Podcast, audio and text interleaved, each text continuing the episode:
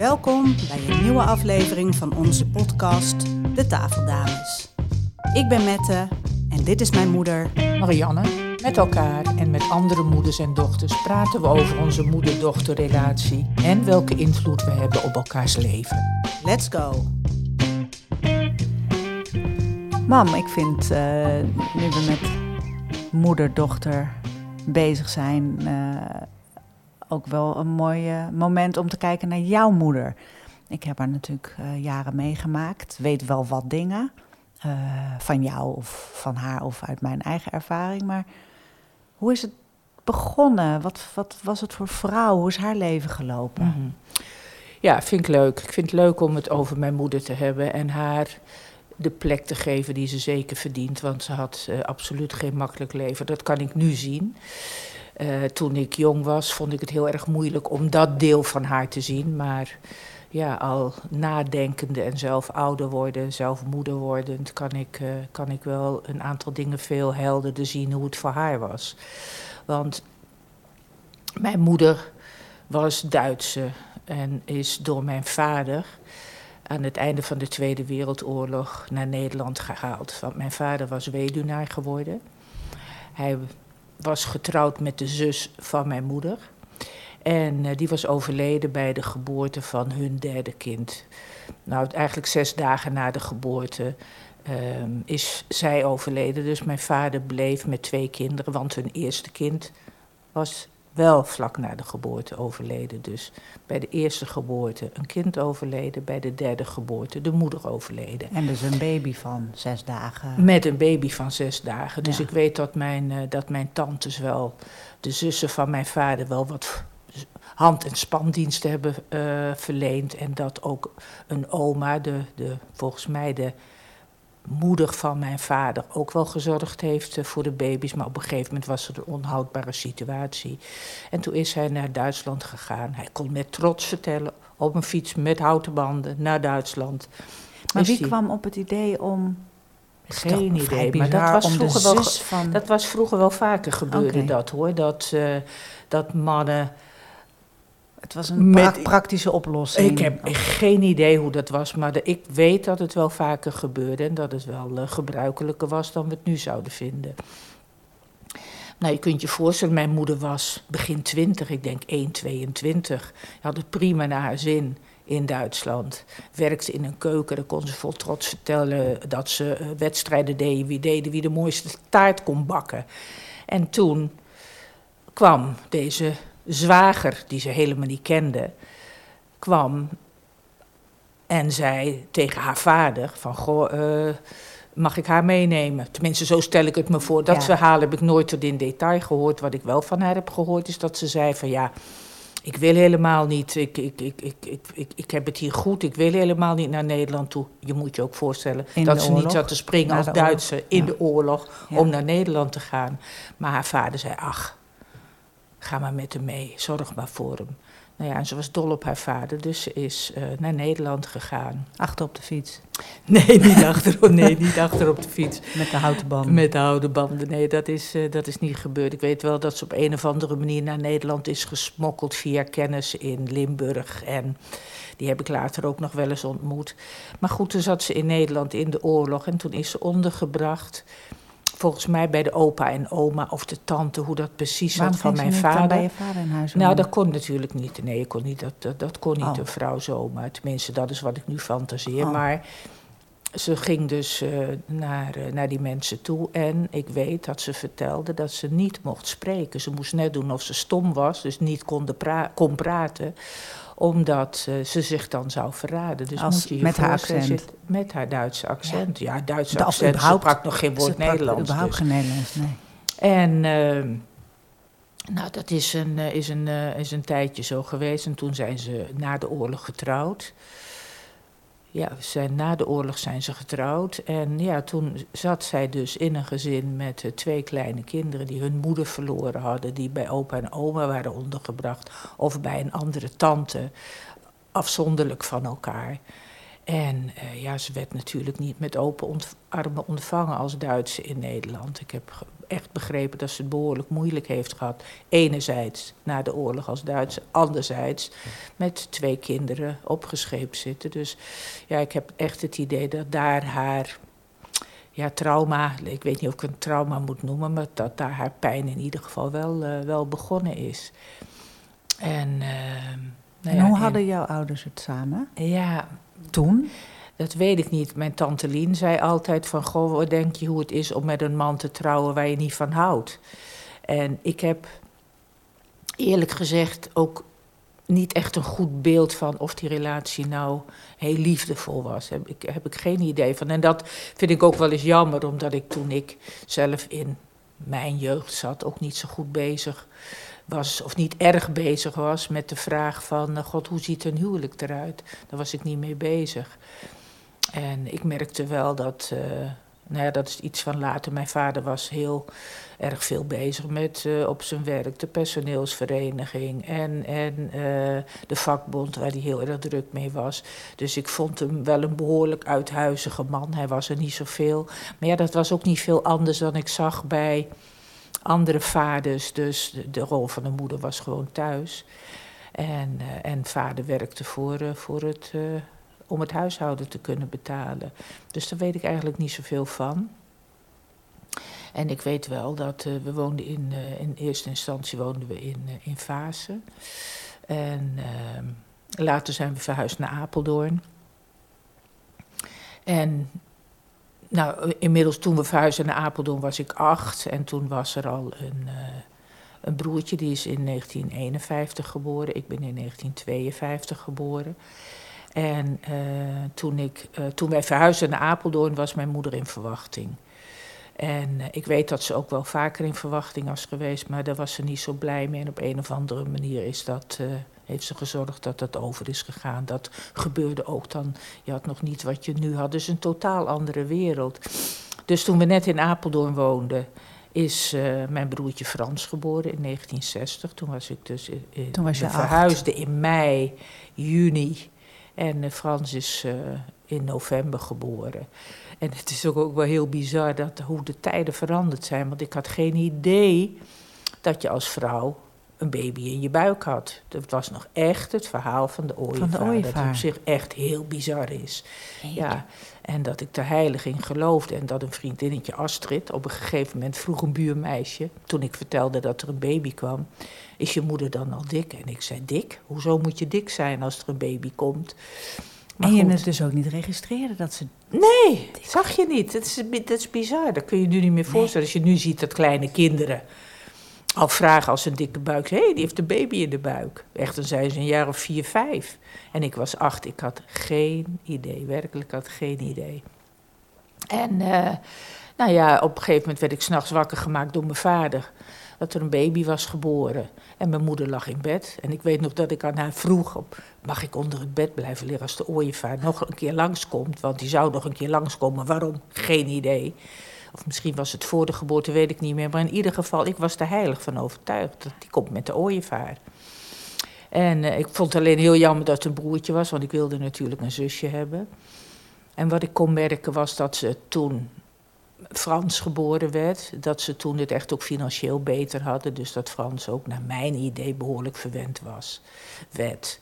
En uh, ja, dus dat was, dat, was, dat was best ingewikkeld, want de herinneringen die, herinneringen die ik aan mijn moeder heb, zijn nog niet dat ik echt zeg van nou, dat was een hele nee, liefdevolle, warme moeder. Je... Nou, ja, nu, eh, ik, ik was toen destijds was ik uh, behoorlijk bang voor mijn moeder.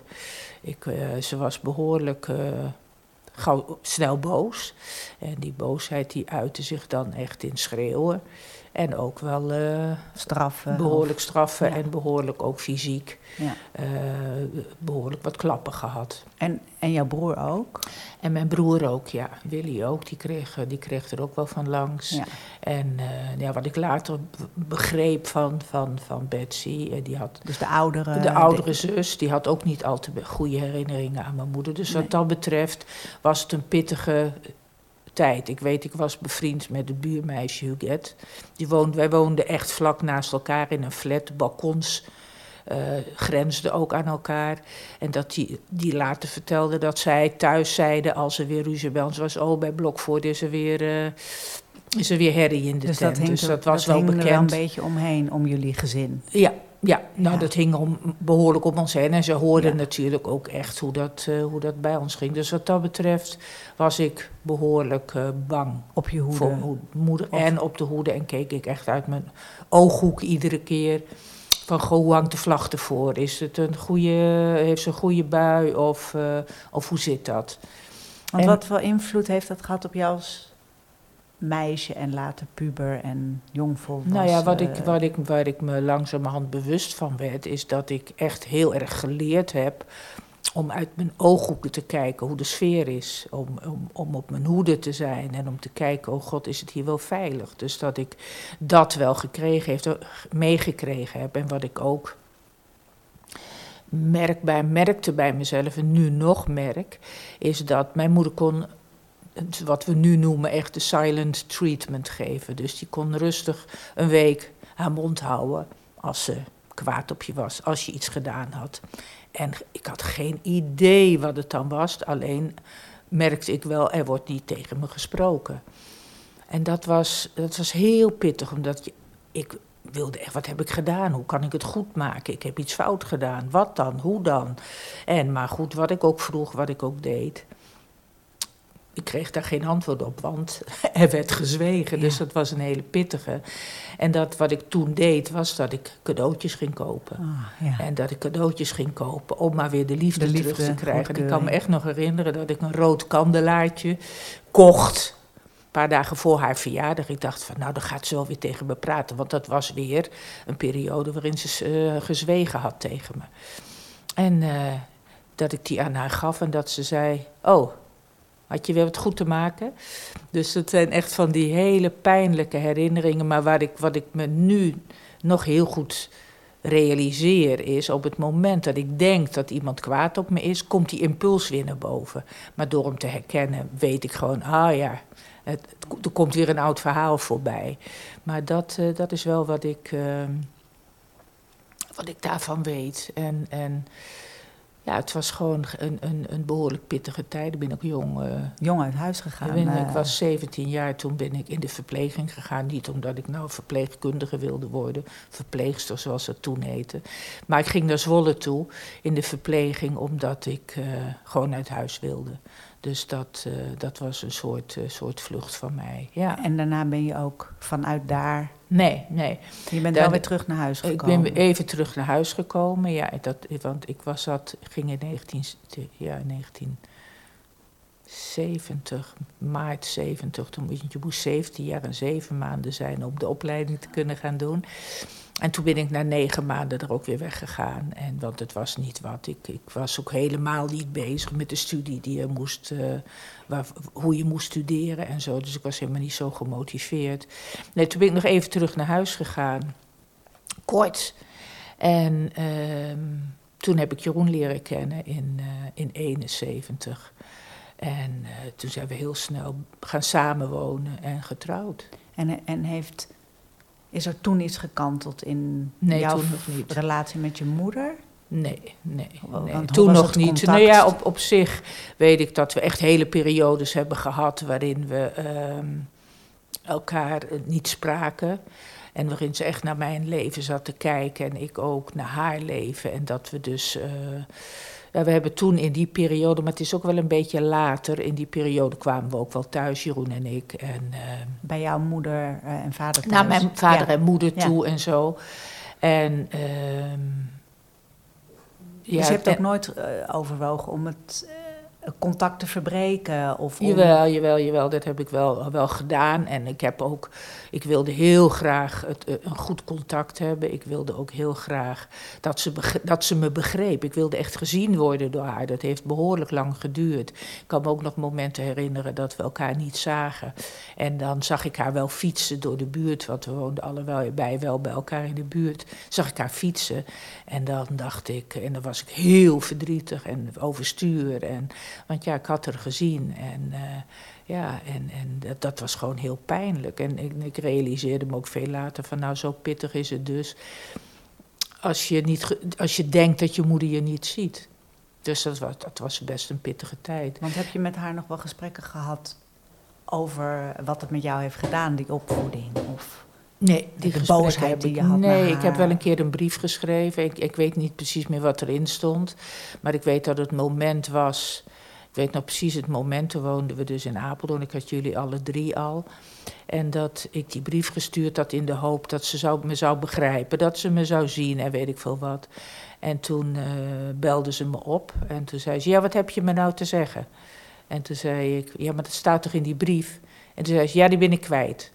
En toen was echt het moment dat ik dacht, als ik hier niet mee stopt, stop, dan word, ik, dan word ik diep ongelukkig. Dus dat is voor mij ook het kantelpunt geweest. Toen ben ik ook in therapie gegaan. En toen heb ik echt op mijn manier gekeken naar uh, hoe, uh, ja, hoe ik hiermee rond kon komen met, uh, met de hele jeugd en dergelijke en zo. En voor mij was vooral een moeilijk punt toen ik zelf jullie kreeg. Zeker toen jij geboren was. Nou, dat was dus voor die brief nog. Dat, ja, dat ik zo blij en zo gelukkig was met, met jou. En dat ik dacht, nou, ik moet wel een heel slecht kind zijn geweest. Want daar hou je toch onmiddellijk van, van je kind. Dus toen het werd nog onvoorstelbaarder. Ja, maar ik koppelde, ook, ik koppelde het toen nog steeds aan... dat ik wel uh, een heel uh, raar kind geweest moet zijn. Omdat mijn moeder... Die, met dat, dat, ik, ik denk echt, ja, je denkt als kind inderdaad... dat het met jou Jouw te maken heeft... als je moeder op die manier met je omgaat. En heb je het ooit met haar... Um, want je bent zelf in therapie gegaan, hebt jouw dingen gedaan... Is, is er een moment geweest dat je haar kant kon zien? Nee, en nee, haar... nou, en dat, nee, dat heb ik nooit kunnen zien. Zover ben ik niet gekomen. Ze is natuurlijk. Kijk, mijn vader is uh, overleden toen hij 59 jaar was. Toen was ik in super verwachting jong, van ja. super jong. Toen ik in verwachting was van Jochem. En hij is in, uh, in 78, uh, eind uh, 19, in oktober 1978 overleden. Dus toen kwam mijn moeder ook, ook alleen te staan. En ja, ik was gewoon heel erg druk bezig met jullie. ik bedoel, Diederik is in 1981 gekomen, dus ik had mijn handen vol aan, aan jullie. En aan, ja, gewoon, ik werkte leven, ook ja. aan het leven en weet ik veel wat.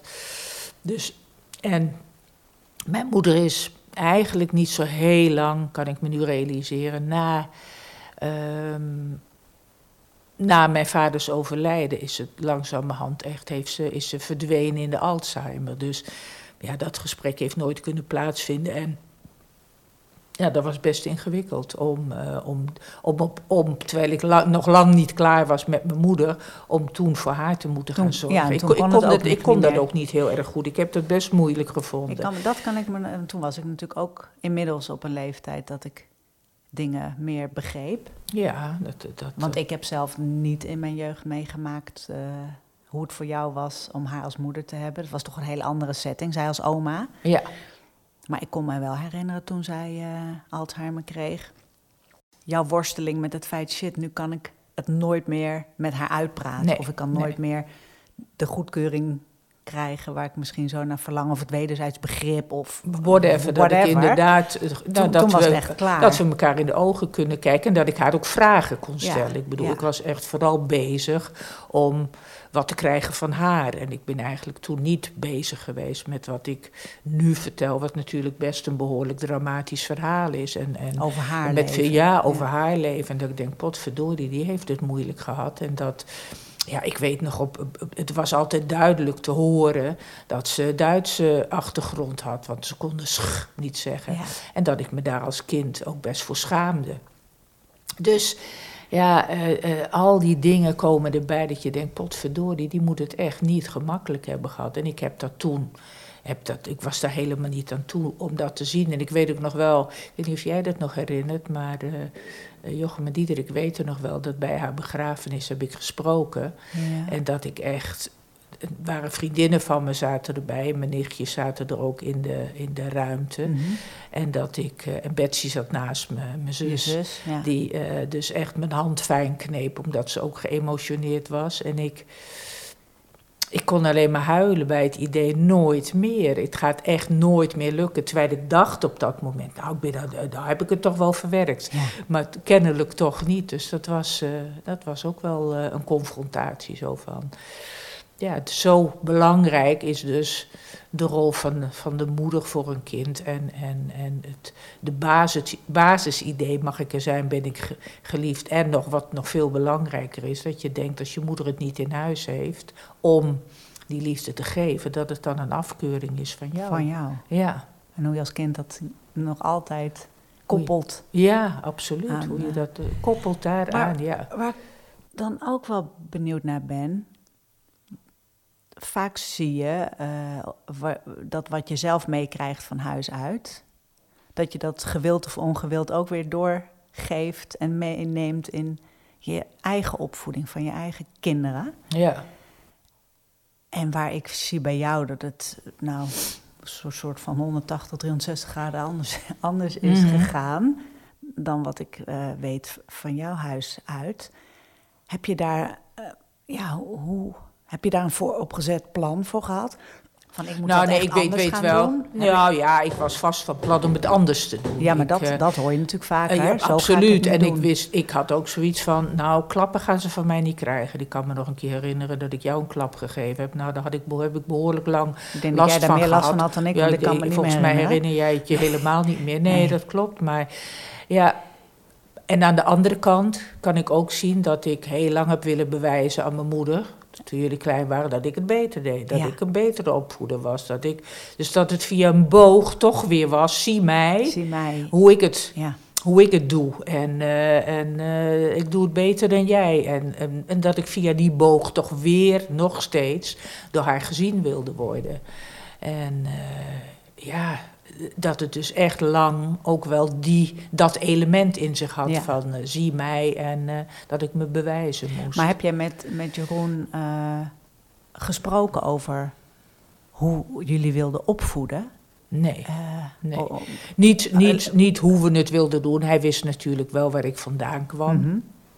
En wat ik ja, uh, wat ik niet wilde, maar dat we nou uitgebreid uh, gesproken hebben over hoe we onze kinderen wilden opvoeden. Met welke waarden, normen, dingen? Nee, daar, daar hadden we het helemaal nee. niet over. Maar jullie lagen volgens mij behoorlijk we daar op Ja, absoluut. Ja. En dat vind ik altijd bijna ook dat ik denk, ja, dat is, dat is gewoon bijna een wonder hoe we zo vanzelfsprekend samen wisten hoe je kinderen moest ja, opvoeden. Dat klinkt dan als opvoeden. Maar dat we wat dat betreft eigenlijk vanaf het begin op één lijn zaten over hoe wij, wat wij belangrijk vonden en zo. En dat, uh, ja, het was ook dolgelukkig in die periode. Hoe wij de, samen kinderen een, een, een, een, thuis wilden geven, ja, ja. Dat, was, uh, dat was naadloos, ja. En heeft, heb je daar ooit met je moeder, want je zei dan wilde ik met een boog laten zien hoe goed ik het deed. Mm -hmm. Hebben jullie daar ooit nog wel eens over gehad. Ik Heeft weet je wel, ja, hoe het bij ja, ons thuis was? En ja, is... zeker. Zij, ik, ik, ik hoorde haar tot mijn verbazing ook wel eens zeggen... Dat, dat tegen anderen heb ik haar wel eens horen zeggen... nou, het is heel mooi hoe dat gezin is. En uh, ik weet ook nog... Dus ik kan... Kijk, toen ik alleen maar bezig was om door haar gezien te worden, kon ik ook bijna niet zien waar ze me wel zag. Nee. He, want uh, nee, ik weet self-fulfilling prophecy. Uh... Ja, zo gaat dat. Want ja. ik weet ook nog dat toen uh, Jochem geboren was. Want het heeft natuurlijk best lang geduurd voordat ik uh, zwanger Na raakte mij, van Jochem. Ja. Voordat, uh, dat bedoel, dat hij had behoorlijk wat voeten in aarde. En dat uh, zij daar ook over sprak van nou, hoe, hoe zielig ze dat voor me vond. Was, dat kon ik pas later, kon ik dat ja. deel zien. En ook dat toen de bevalling begon van Jochem, dat ze toen voor de deur stond. En ik was al bezig en ik wilde niet dat ze dat wist, dat de, de bevalling begonnen was. En dat ze voor de deur stond met iets lekkers. En Gewoon omdat ze wist ook niet dat je aan het bevallen was. Nou, maar ze had het wel in de gaten. Oh, ik zei okay. het niet, maar ze had het achteraf bleek ze het wel ah. in de ah. gaten had. En dat ze ook wel bezorgd was. En zei, nou, ik geloof dat er bij Marianne nu wel wat aan de hand is. En hoe ze, toen, ze, toen ik dan haar opbelde, of Jeroen haar opbelde... want we hadden toen natuurlijk nog geen uh, mobiele telefoon... Dat, jij, dat Jochem geboren was, dat Willy later vertelde... ja, dat ze als een speer naar ons huis kwam en uh, naar het ziekenhuis met jou volgens mij. En uh, ja, dat ze met jou naar het ziekenhuis ging en dat, ze door, dat, dat jij door de hal riep. We hebben een, een broer, nee, we hebben een broertje. En dat zij apetrots was. Ja. En allemaal, dus ik, dat kan ik veel later kan ik zien. En dat spijt me echt wel, dat ik echt ook wel zie nu hoe ze wel haar best heeft gedaan. Ook als ik denk aan toen, uh, toen Betsy ging trouwen bijvoorbeeld. Uh, ging verloven, ze ging toen nog verloven met Joop. Dat ze echt ging sparen om hun iets moois te geven. En uh, een stofzuiger te geven, weet je wel. En dat zij dat allemaal bedacht. En hoeveel pijn het haar deed. Dat mijn vader toen met veel bombardie, zoals mijn vader kon zijn. En ik hield van mijn vader, zoals je weet. Maar toch het overnam en het aanbood. En werd ze waar weer zij niet dus, gezien, waar ja. zij dus alle moeite voor gedaan had. Hij liep te pronken met... Ja, dus, dus uh, wat ja. dat betreft denk ik wel, ik vind het zo jammer dat we die kant van haar niet hebben kunnen zien. En, en ook, ik heb het natuurlijk ook eens met Betsy over gehad, die er ook behoorlijk last van gehad heeft. En... Uh, dat die ook nooit die andere kant heeft kunnen zien en daar ook een leven lang last van heeft gehad. Maar dat mijn moeder in feite niet gezien is in hoe ze ook gezorgd heeft voor het gezin, voor de kinderen, voor ons. En uh, ja, dat, dat vind ik best wel een pijnlijk verhaal. En, en, dat, en ja. dat besef is bij jou uh, langzaam ingedaald. En ja. pas na haar dood, denk ik. Ja, omdat ik dus inderdaad in therapie kreeg, ging en een hele goede therapeut op een gegeven moment keihard tegen me schreeuwde. Van uh, heel liefdevol, maar wel bam, zo van. Wanneer snap je nou, godverdomme, dat het niks met jou te maken had? En dat ik echt op dat moment, het, het was alsof ik helemaal wakker werd, zo van, potverdomme, ja natuurlijk. Dat ik het echt kon horen op dat moment.